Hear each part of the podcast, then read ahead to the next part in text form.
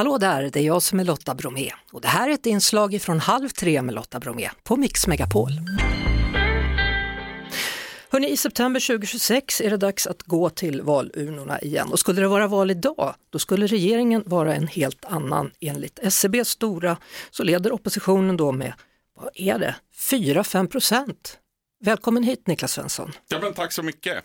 Och det här är då den tredje opinionsundersökningen. Tidigare har då Sifo och Ipsos landat på ungefär samma siffror. Mm. Vad säger Dramatiska oss? siffror. Det har ju skett stora förändringar på bara några veckor och eh, det är ju alldeles uppenbart att eh, den sittande nya regeringen tappar kraftigt stöd. Alla partier i Ulf Kristerssons regeringsunderlag backar i de här mätningarna. Mm.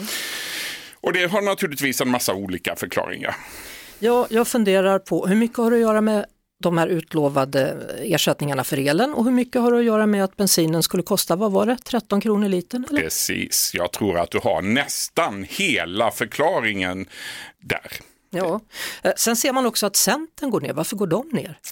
Ja, eh, det kan man ju fundera över. Där har ju Annie Lööf deklarerat att hon ska lämna och hon kommer att göra det om bara några månader och väljarna är förmodligen osäkra på vad som kommer att hända framöver. Vem tar över? Kommer man att köra vidare på Annie Lööfs spår, vägra prata med Sverigedemokraterna eller får man en partiledare som på något sätt kommer att närma sig Ulf Kristerssons alternativ? Det återstår ju att se och väljarna svävar ju lite i ovisshet där. Eh, om vi tittar på Sverigedemokraterna då, de går också ner. De förlorar 2,3 procent här. Mm. Det intressanta med deras nedgång är egentligen eh, när man tittar på vart deras väljare har gått och upptäcker att de har gått till Moderaterna. Så att Sverigedemokraterna tappar till Moderaterna som i sin tur tappar släppa till bland annat Socialdemokraterna. Och det där är ju väldigt spännande. För att om Sverigedemokraterna tappar till Moderaterna då, då kan det inte enbart förklaras med att man eh, är besvikna på vallöften. För att Moderaterna står ju i allra högsta grad bakom den politik som förs nu och det är snarare Moderaterna, tror jag, som har bromsat när det gäller bensinen till exempel. Mm. Sverigedemokraterna var ju de som lovade väljarna den allra högsta sänkningen av bensinpriset och så blev det inte så.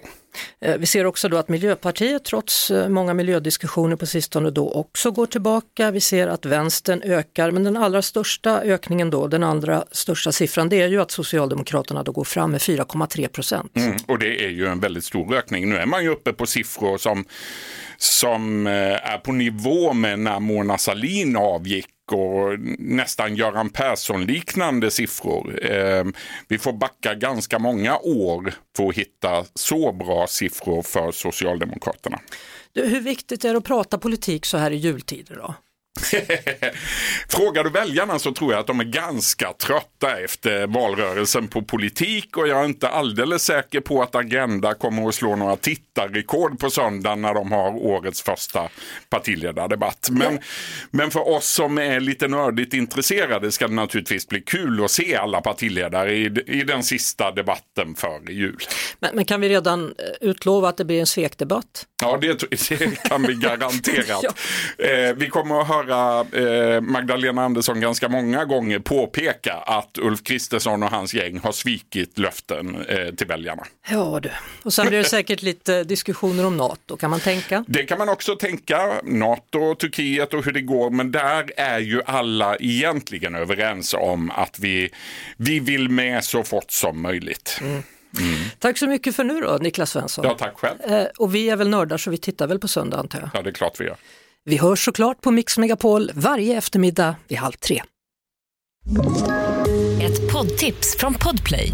I fallen jag aldrig glömmer djupdyker Hasse Aro i arbetet bakom några av Sveriges mest uppseendeväckande brottsutredningar. Går vi in med hemlig telefonavlyssning och, och då upplever vi att vi får en total förändring av hans beteende. Vad är det som händer nu? Vem är det som läcker? Och så säger han att jag är kriminell, jag har varit kriminell i hela mitt liv men att mörda ett barn, där går min gräns. Nya säsongen av Fallen jag aldrig glömmer på Podplay.